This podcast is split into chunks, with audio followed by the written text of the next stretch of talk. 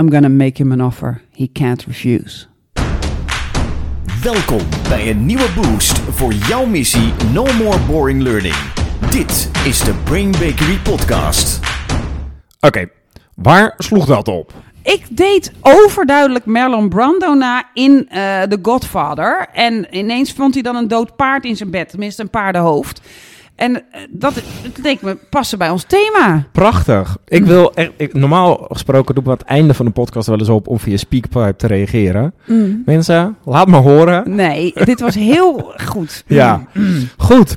Leuk dat je weer luistert, want Ja, wij hebben een podcast die helemaal past in deze tijd. Ja. Het gaat namelijk over ervoor zorgen dat je meetbare resultaten oplevert. ja.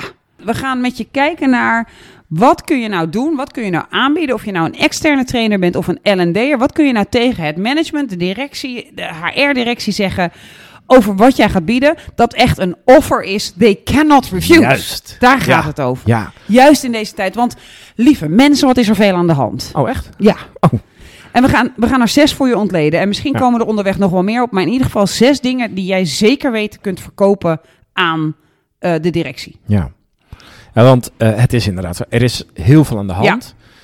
Ja, er is gewoon een hele hoop aan de hand. Bedrijven, eigenlijk alle bedrijven, alle organisaties zijn bezig met het upskillen van hun mensen, het reskillen van hun mensen. Omdat er zo verschrikkelijk veel veranderd is de afgelopen tijd. Omdat er zoveel online is gegaan. Mensen werken vanuit huis. Mensen werken op andere tijden. Echt de grondvesten van hoe wij normaal bedrijfjes Ja. speelden, organisaties speelden, daar is aan geschud. Helemaal.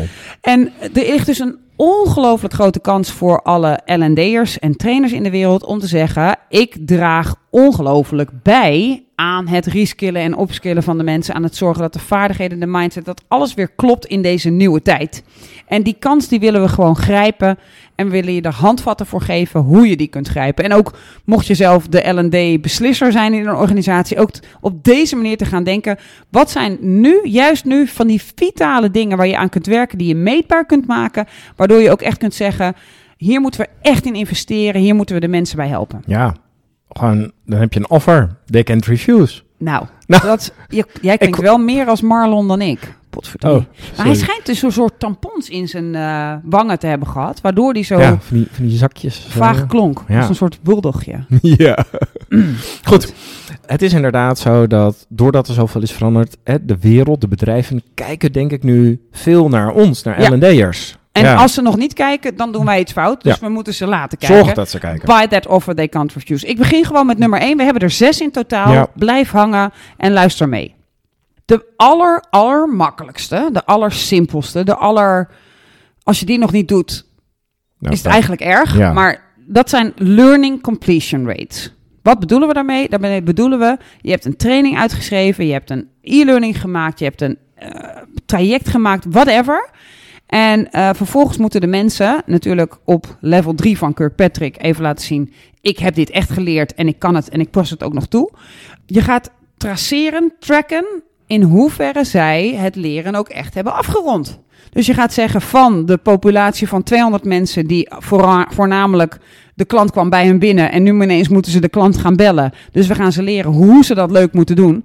Hoeveel procent van die mensen hebben dit afgerond?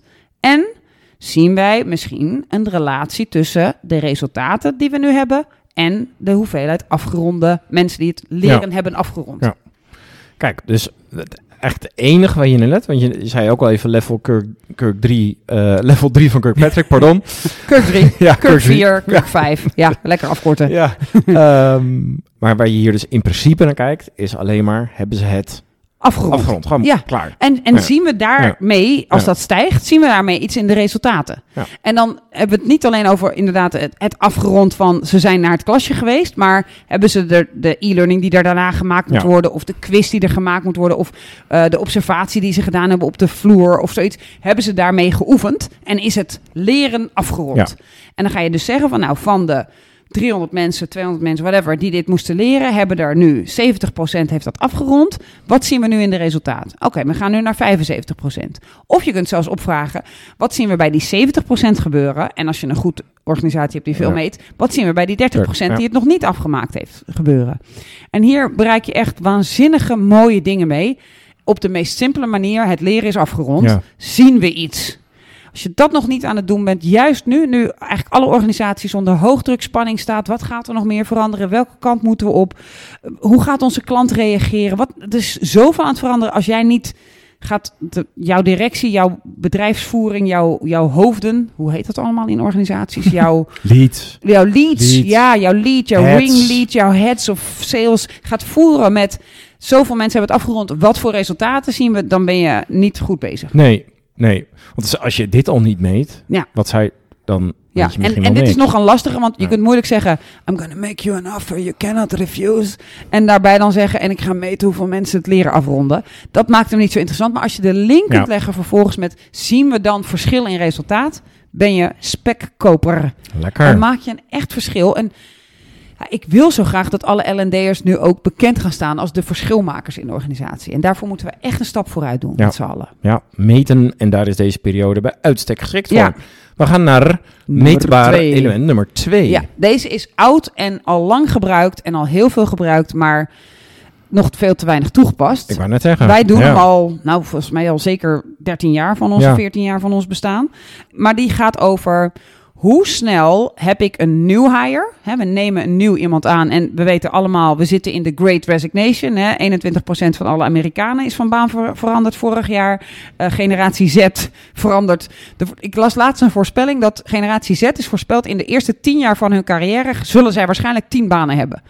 En eh, de silent generation, hè, de, de, degenen die nu met pensioen zijn, die hebben er ongeveer tien gehad, maximaal in hun hele carrière. inclusief bijbaantjes. Dus nou, dat wordt toch wat. We zijn dus nieuwe mensen aan het aannemen. En een van de dingen die je prima kunt meten in welke organisatie dan ook, we hebben er nog nooit een aangetroffen waar het niet kan, is wanneer is iemand nou up to speed vanaf het moment dat hij binnen is gekomen. En kunnen we die tijd reduceren. Dus ehm, stel dat je dat nu niet meet, hè, dat je dat nu niet weet, kun je nog steeds aan allerlei leidinggevende vragen. Maak eens een inschatting als we een nieuw iemand in aannemen. Wanneer is hij ongeveer even productief of even. Doet hij evenveel? Ja. Levert hij evenveel? Zelfde Is hij even kwaliteit. snel? Ja. Zelfde kwaliteit als iemand die er al jaren werkt? Wanneer, wanneer is hij daar? Dan laat je ze daar een inschatting van maken. Dat ga je natuurlijk even eh, goed meten. En eh, daar ga je wat van aftrekken en wat bij optellen. Een klein beetje eh, de statistiek toepassen. En vervolgens ga je kijken naar, oké, als we nu nieuwe mensen aannemen en we gaan ze op deze manier, manier trainen, is het dan sneller? En wat willen we dan meten? Ja. En dan kun je zelf zeggen, oké, we nemen er deze maand 20 aan. Stel dat het je lukt. 10 geven we dit leertraject, 10 geven we dat leertraject. Wanneer zijn zij op de speed, wanneer zijn zij op de speed? Als je dat soort dingen gaat communiceren en met die taal communiceert met je directie, met de grondlegger, met de lead, head, startup, dan ga je hard. Ja. Dus tijd meten, wanneer is iemand up to speed?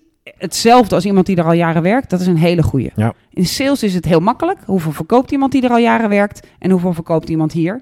Of hoeveel verkoopt de winkel gemiddeld en draagt hij daaraan bij of haalt hij daarvan af? Ja. Makkelijk. Mensen die van, als je dat veel hebt in je organisatie, mensen die veel van de ene afdeling naar de andere doorstromen Ja. of zoiets. Dan moeten ze ook weer nieuwe dingen leren. Het is eigenlijk ook een soort onboarding op een nieuwe afdeling. Ja. Eh, dus maar dat, dat is er eentje die nog komt. Deze gaat echt specifiek over de new hire. Oh ja. En die echt eh, meetbaar maken. Ja. Top. Ja. Dat is twee. Drie. Ze moeten blijven. Employee retention. Ja. Eh, er is een recente studie gedaan door eh, LinkedIn. Die heeft allerlei mensen bevraagd. En die mensen hebben wat eerlijker geantwoord aan LinkedIn dan een intern onderzoek. Want Mhm. daar durf je dit niet zo goed op toe te geven. Maar 25% van de mensen op de, in deze LinkedIn-studie, die gaven aan... ik ben niet helemaal up-to-date met mijn skills. Hè, zoals je bij veel trainers nu ziet, die, die kunnen allemaal wel Zoom aanzetten, maar vlekkeloos daar doorheen en echt zo- zonder dat de deelnemer merkt dat ze gemute worden, ze even muten enzovoort. Dat blijkt best wel lastig te zijn. Dus 25% van de mensen geeft gewoon eerlijk toe, ik heb niet alle skills die ik in mijn nieuwe vorm die Ja. mijn werk heeft aangenomen, namelijk energiek blijven, uit mijn ogen blijven kijken tijdens een online, Online meeting, meeting, ja. online meeting nummer 17 van die dag, die, die zeggen, ik, ik mis skills. Dus die geven dat eerlijk toe. Ik denk dus van daaruit dat het een hele grote impact heeft of, of ik blijf in de baan of niet, als iemand dat opmerkt en daar iets aan doet, Ja. waardoor ik wel Ja. goed genoeg ben in mijn baan. Ja. Dus die 25% die dat toegeven, die zeggen eigenlijk, ja, ik voldoe eigenlijk niet. Ik moet dus eigenlijk boven me kunnen presteren. Ik word ook niet geholpen. De kans dat zij naar buiten slidderen Ja. en ineens verdwenen zijn, is heel erg groot. Dus als je die mensen weet te vinden en ze ook nog weet up te skillen, dan kun je echt iets doen aan retentie. Dus ik zou als welke organisatie dan ook, zou ik nu zeggen van ik ga investeren in, weet ik veel, de eerste helft van de mensen. En ik ga kijken hoeveel gaan er daarvan weg. Hoeveel kan ik upskillen en hoe kan ik dat ook nog meten? En hoeveel gaan er van de groep die ik nu nog niet kan trainen, omdat ik simpelweg de capaciteit Ja. of het geld niet heb, hoeveel gaan er daarvan weg? Super slim om te doen, heel goed om te weten. Eh, en je kunt ook daarmee de angst die veel directieleden hebben van als we in ze investeren, gaan ze weg. Die kun je daar waarschijnlijk ook mee we- wegnemen. Want als je goed investeert in ze, worden ze alleen maar beter en gaan ze beter voor je performen. En ja, misschien gaan ze ook wel weg, maar dan gaan ze wel weg met wauw, wat was dat een gaaf bedrijf en wat hebben ze in mij geïnvesteerd. Ja. En, in, de liever- tijd dat ze, in de tijd dat ze nog blijven, eh, leveren ze beter werk. Hallo. Ja. Ja. Tof. Ik vind het ook wel eh, heel mooi, want het, het gevoel, ik ben aan het onderpresteren en dat wordt niet gezien door mijn leidinggevende, Ja. raakt natuurlijk ook gelijk aan een soort anoniem, ik Ja. word niet gezien, niet erkend gevoel. Ik ben hier een human resource Ja. die maar wat moet doen. Ja. Dus, dus daar, dat is eigenlijk omdat je zei van, nou, ik ga ervan uit dat als je hierin investeert, dat mensen langer blijven, lijkt me inderdaad een super logische gevolgtrekking. Absoluut. Ja, ja. Ja. Ja. Laten we naar vier gaan. Ja, we gaan naar de vierde en die is denk ik zo mogelijk nog relevanter dan de eerste drie. En dat is interne mobiliteit. Hoeveel mensen worden beter ergens in, worden meer expert ergens in? Hoeveel mensen stromen door naar een andere, betere Ah, ja. functie? Hoeveel mensen hoef je dus niet buiten te werven? Een van de eerste dingen die ik vind dat iedere L&D-organisatie altijd, of L&D-afdeling altijd moet weten is, wat is je cost for hire? Dus als jij iemand gaat aannemen, dan moeten er een heleboel dingen ge- gebeuren. Ik, ga ze, ik ben vast niet compleet, maar ik doe het even uit mijn hoofd. Je moet eh, een, een tekst schrijven om mensen te gaan werven. Je moet die online plaatsen. Je moet praten met de manager wat er in die tekst moet. Je moet een beetje een teamscan maken van wat voor soort type hebben we hier nodig. Dan moet je gaan werven. Dan komen er 300 brieven. Die Oh, brieven ja. moet je gaan doornemen, of er komen er misschien maar 100. En die moet je gaan doornemen. Dan moet je een preselectie maken op basis van die brieven. Dan moet je al die mensen gaan bellen en ook nog mailtjes sturen. Je bent het niet geworden. Dat wil je ook nog op een leuke manier doen. Want als je gewoon schrijft, je bent het niet geworden, dan denkt iedereen, Ja. ik word nooit, Nooit meer klant meer, van jou en die gaat tegen jou zijn. Dus je moet het ook nog leuk doen. Ook nog een beetje personaliseren. Je bent niet geworden om deze reden. Dan ga je nog in gesprek met de mensen die het wel zijn geworden. Die moeten minstens twee, drie gesprekken hebben. Al die kosten Oh man. moet je bij elkaar optellen. Ja. En dan moet je kijken, oké, als we als dit één iemand kost, oké, hoeveel moeten we er dan aannemen dit jaar? Nou, ik spreek wel eens organisaties die zeggen, we hebben er zeker 150 nodig dit jaar. Oké, doe dit eens maar 150. Dan kun je het vaak nog een beetje automatiseren. Ja. Je kan vast nog wat slimme dingen doen, maar je kost voor hire is meestal ongelooflijk groot.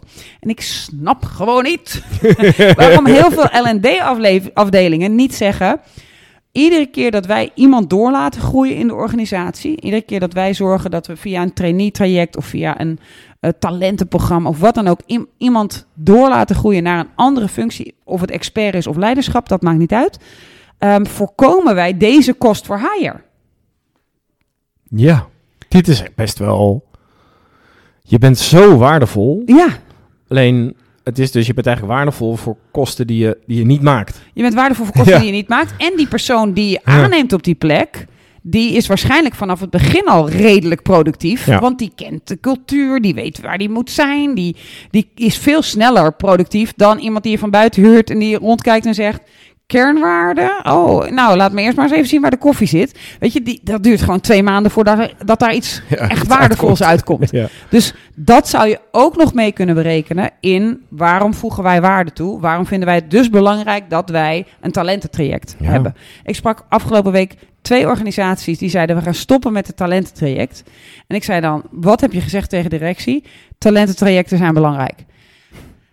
Ja, Ja. dat weten wij en wij voelen dat in onze hart, in onze ziel, in onze overal. Maar zij denken anders, dus je moet gaan meten. En kost voor hire is gewoon ontzettend belangrijk. Interne mobiliteit. Gaat meten. Laat zien wat je waard bent, want je bent het waard. Kijk. Gaat het nog goed? Vind, Ja, vind dit is, mezelf eh, iets te opgewonden, ja, dus ik denk dat iedereen is afgehaakt. Nee, nee. Ook omdat ik Nee. niet leek op Marlon Brando. Nee, dat, Oh. nee, dat gaat heel goed. En voor de mensen die kijken, er staat gewoon een enorm charmante kabouter die gewoon Ja. no fucks gives. Zero fucks Ja, given.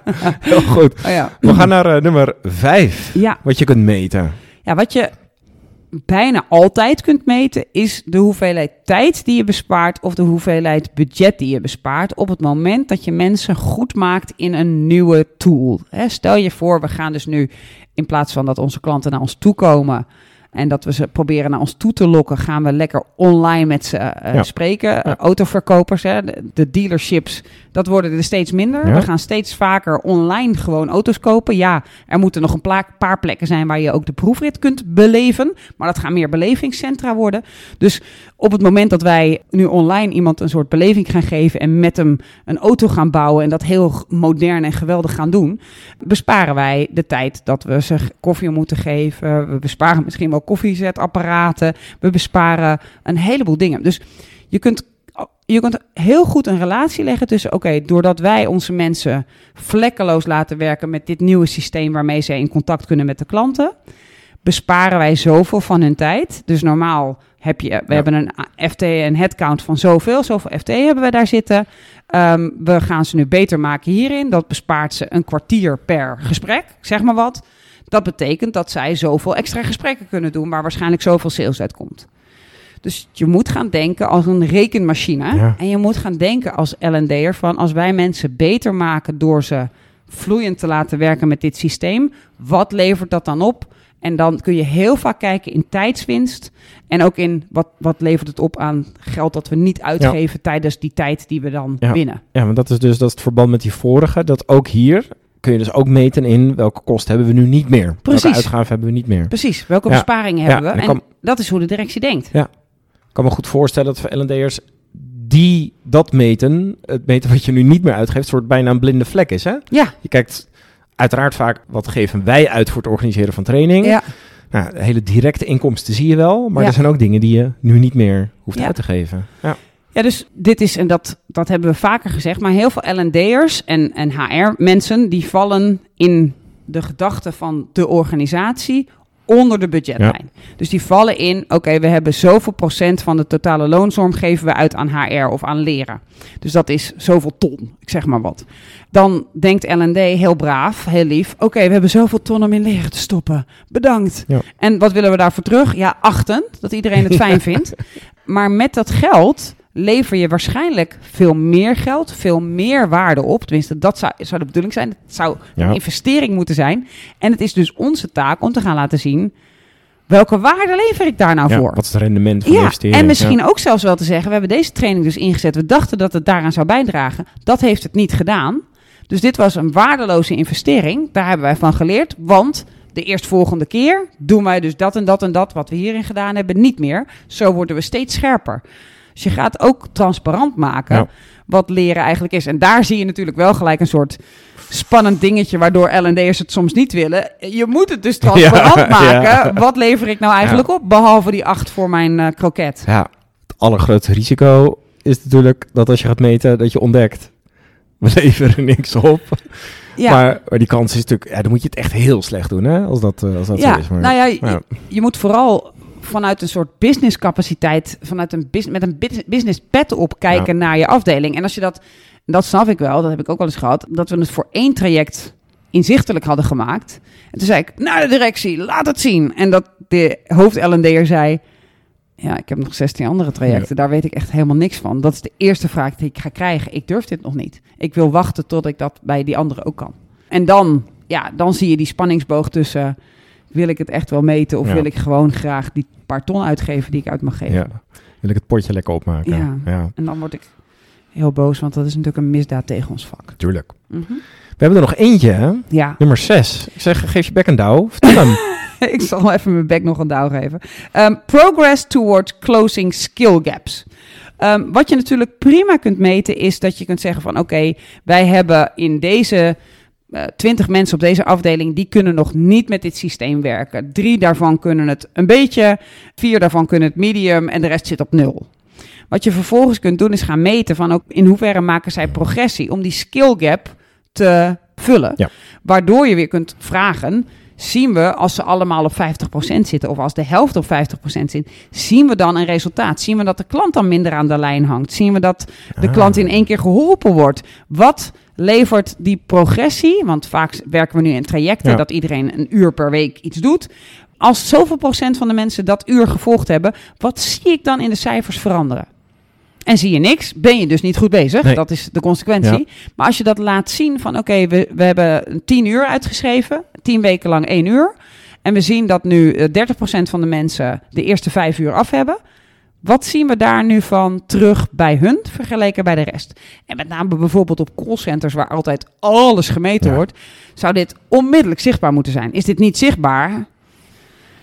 Ja, dat is, dat is inderdaad een hele lekkere omgeving om dat soort Ja. dingen te meten. We, we gooien er een systeemtraining in. Ik zeg het Ja. even oneerbiedig. Ja, Wat doen we met het average handling eh, time? Precies. Eh, De, de lengte van het telefoongesprek. ja. Ja, dat zou een hele goede zijn. En de first time ride Ja. wordt ook altijd gemeten. Ja. Hier meet je dus eigenlijk twee dingen. Want aan de, eerst meet je die skill cap. Hè? Je moet die skill cap kunnen meten, aantonen, zou maar. Precies, ja. En daarna is het tweede dat je meet de correlatie tussen dat die skill cap kleiner wordt Ja. En omzet, klanttevredenheid. Ja, eh, Whatever je maar aan het beïnvloeden Ja. bent. Dat betekent dus, en dat is natuurlijk de consequentie, dat je niet gewoon zegt: we doen een systeemtraining. Nee. we doen een systeemtraining om de average handling time te veranderen. Ja. En dat je dus bij wijze van spreken iedere week een update kunt geven. Nu we zoveel procent van de mensen voor zoveel procent hebben getraind, zien we dit al in de resultaten. Of we zien een teruggang in de resultaten, maar dat hadden wij verwacht, want ze gaan nu iets meer nadenken. Ja. We verwachten over twee weken die versnelling te zien. Dus wat gaaf dat we nu de vertraging een beetje zien, omdat ze meer moeten nadenken. Maar je kunt dus iedere week de bühne op om te zeggen: Ja. er is nu zoveel Ja. procent door zoveel mensen gedaan. Dat betekent nu dit. Daar, dat zien we op deze manier in de resultaten. We dragen bij aan de business. En dan word je die businesspartner, zoals heel veel mensen. Je komt bijna geen bedrijf meer binnen waar een HR-partner of een HR-persoon of een HR-professional niet HR-businesspartner Ja. heet. Ja. Maar, maar nog nauwelijks businesspartnerachtig gedrag vertoont door in meetbare trajecten Nee. te werken. De term L&D business partner, die komen we niet tegen. Hè? Nee, nee, ik denk toch echt dat, ik weet het niet zo goed, maar ik ben, ben zo bang dat die acht die we krijgen van onze deelnemer, dat dat nog zo'n Ja. verslavingsgevoelig iets is en dat het zo makkelijk is om vanuit het budget te denken en niet vanuit het rendement wat je oplevert, dat, daar, dat we daar nog niet zitten en Nee. dat we ook nog niet daartoe gedwongen worden. Is deze periode juist de periode dat we daartoe gedwongen worden? Of is dit wel meer een luxe periode? Dat, ik denk dat omdat de economie zo verschillend is. En sommige mensen hebben onwijze klappen gehad van COVID. En zijn nog nauwelijks aan herstel toe. En sommige eh, Ja. klanten hebben onwijs benefit gehad. Want iedereen ging klussen en je had een klusbedrijf. Dus daar klotste het geld spreekwoordelijk Ja. een beetje tegen de plinten. Dus ik denk dat het eh, afhangt van waar je zit. Maar ik denk wel dat dit een moment is om, om op te staan en te zeggen... wij leveren waarde. I make you offer you cannot refuse. Waar is, waar, waar is Marlon Brando? Marlon Hij Brando, is hier. de geest van Hij Brando is is hier. Oh, als je nu de YouTube-video zouden kunnen zien. Nou ja, dat Ja. kun je zien, maar Ja. vreselijk. Ja. Maar dan kunnen we echt toegevoegde waarde laten zien. En nu is het moment. De tijd is rijp. Het is tijd. Het is tijd, ja. Lieve mensen, ja, we hebben natuurlijk al eh, heel veel podcasts een vurig betoog gehouden voor begin met meten. Zeker nog onze allereerste podcast, nummer 1, is daar gelijk een vlammend betoog voor. En in deze podcast wilden we met jullie delen, wat zijn nou zes te meten aspecten Ja. die nu echt lekker relevant zijn. En die Eh, in bijna iedere organisatie meetbaar zijn. Ja, Zelfs in, in, eh, als je ambtelijke stukken oplevert, dan nog kun je meten hoeveel fouten, hoeveel mensen moeten er nog nakijken. Je kunt tijdsbesparingen kun je daarin meten. Je kunt meten hoe lang mensen blijven. Ja. Je kunt meten, deze mensen zijn wel getraind, wat gebeurt er met hoe lang zij blijven, enzovoort. lekker hoor. Ze waren de learning completion rate. Ja. Het tempo waarin new hires up to speed zijn. Ja. We hebben het gehad over de correlatie tussen een training en hoe lang medewerkers blijven. ja, de employee retention, ja. De internal mobility. Een eventuele tijdbesparing doordat je eh, mensen vaardig maakt in bijvoorbeeld eh, eh, nieuwe skills. Hè? Bijvoorbeeld een online eh, skill. En de correlatie tussen skill improvement en dat wat je maar wil meten. Bijvoorbeeld je omzet, je klanttevredenheid, je first time ride. Ja, Maak er iets moois van. ja. Dus we hopen dat iedereen denkt, ja, ik, in ieder geval met één kan ik iets in mijn organisatie en daar ga ik wat mee doen. En dan zeggen we, nou ja, mag je daarna gekust worden door Marlon Brando in zijn hoogtijdagen Ja, op de lippen uiteraard. Ja. Ja, ja. ja, ik meet, dus ik weet. Ja. Ja. Maar dan niet meten is weten met zo'n is gelijk. Nee, nee, want dat betekent dat je alleen iets weet als je het gemeten hebt. En dat is ook weer niet waar. Return on learning, return on investment. Dat is hem. Lieve mensen, dank voor het luisteren. Eh, reageer lekker als je dat wilt via de link via Speakpipe. En eh, we hopen dat jullie een volgende keer weer van de partij zijn bij de missie No More Boring Learning. No More Boring Learning. Dit was de Brain Bakery podcast. Wil je meer weten? Kijk dan op brainbakery.com of volg ons op onze socials.